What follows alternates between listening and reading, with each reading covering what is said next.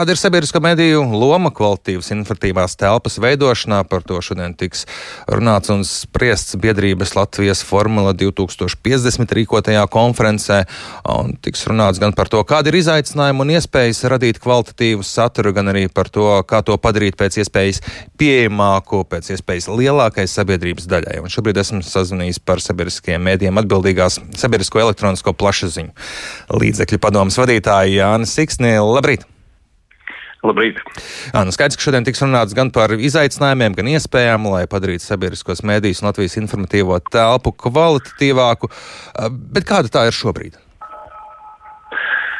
Latvijas informatīvā telpa, es domāju, ir saskarās ar daudziem izaicinājumiem, kā jau šobrīd visā pasaulē. Ir ļoti daudz dezinformācijas, cilvēki daudz saskarās ar, ar informāciju, kam, par ko nevar būt droši, kam, kam uzticēties. Uh, un, un, un sabiedriskiem mēdījiem, protams, šis laiks ir nesis gan daudz nu, izaicinājums tīri darbības ziņā, bet, bet, manuprāt, loma ir tikai ar katru gadu, ar katru no šiem izaicinājumiem pieaugusi, proti veicināt uzticēšanos informācijai, nogādāt iedzīvotājiem uzticamu informāciju.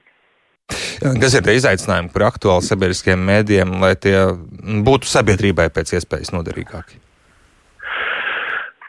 Uh, ja runa par, par, par sabiedrisko mēdīju izaicinājumiem, es domāju, ka tas jau kā visiem šobrīd ir liela neziņa, ko nesīs uh, šī jau gaidu gadāmā ziema nākamais gads ar visu uh, lielo cenu pieaugumu. Protams, ka sabiedriskie mēdīji šobrīd arī plāno mediju vadība un arī skatāsies tā padome, ko, kāds būs nākamais gads, ko varēs atļauties un ko nē. Un šobrīd, protams, ir diezgan liela neziņa, kāds būs nākamā gada budžets.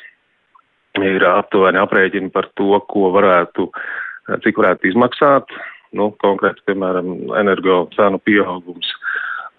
Un tad ir jautājums par to, vai valsts atradīs valdība, jaunā valdība, iespējas kompensēt kaut ko no šī pieauguma, Un, ja jā, tad cik liela būs šāda kompensēšana, un tad jau mēs skatīsimies, vai no kaut kā ir jāatsakās vai ir jāizdara kādas izmaiņas programmā. Mēs ceram, protams, ka tādi, nu, tā saucamie griezieni budžetā būs pēc iespējas mazāk. Restīvi ir risks, ka saturs varētu ciest cenu kāpumu ietekmē un to, ka citas izmaksas pieaug.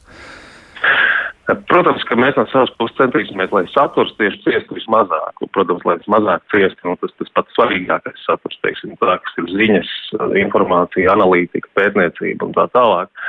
Eh, bet, eh, jebkurā gadījumā, ja būs jāizdara kaut kāda nopietnīga iezuma budžetā, tad, eh, nu, kaut vai, ja būs jāsamazina kapitāla, kapitāla ieguldījuma apjoms tehnoloģijās, infrastruktūrā, uh, nu, tas arī nu, ļoti uh, nopietni var atsaukties uz mēdīju darbu, ņemot vērā, ka, ka Latvijas sabiedriskie mēdīji ir valsts kritiskās infrastruktūras daļa, nu, būtībā nacionālās drošības daļa. Mm, jā, nāk komplektā arī ar dažādām pagātnē ielaistām problēmām.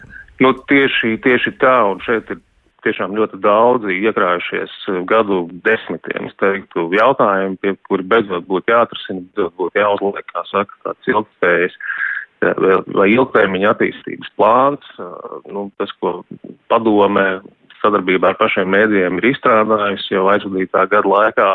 Nu, mēs ceram, ka tagad jaunā saima, jaunā valdība, jaunā koalīcija arī atradīs iespēju nu, kopā ar mums pie šī plāna strādāt.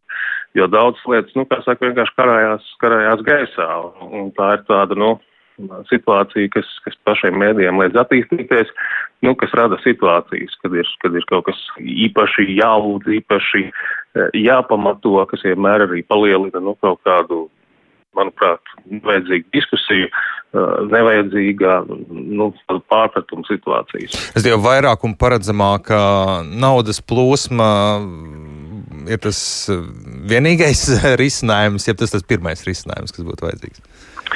Es teiktu, ka šobrīd vispār ir vajadzīgs beidzot tas lēmums par to, kādu tad ilgtermiņā mēs redzam sabiedriskos mēdījus vai sabiedrisko mēdīju.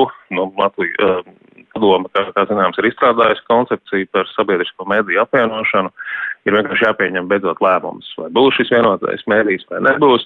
Un tad jau no tā tiešām ir ļoti, ļoti atkarīgs, kā mēs varam plānot un kā rīkoties tieši, nu, kaut vai šos pašu infrastruktūras jautājumu risināšanā kurās lietās mēs varam ieguldīt, ko mēs varam plānot, jo tās ir tādas ļoti nopietnas lietas, kas prasa ilgtermiņa pieeja, tā skaitā arī finansēšanā. Un, un, un kamēr, kamēr nav skaidrība par šiem lielajiem konceptuāliem jautājumiem, tikmēr nu, mēs esam spiesti reaģēt no vienas situācijas uz otru, nu, kas, kas nevienmēr dod to labāko rezultātu. Jā, nu, jūs vadītā padomu ir tas uh, komunikators starp sabiedriskajiem mēdījiem un uh, politiķiem. Uh, ir politiskā vēlme ne tikai runās, bet arī darbos mēdījus stiprināt?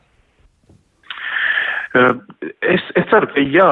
Šobrīd mēs tiešām esam tajā, tajā posmā, kad top jaunā valdība, top jaunā koalīcija, nu pat, nu pat ir izveidota jaunā atbildīgā sājums komisija.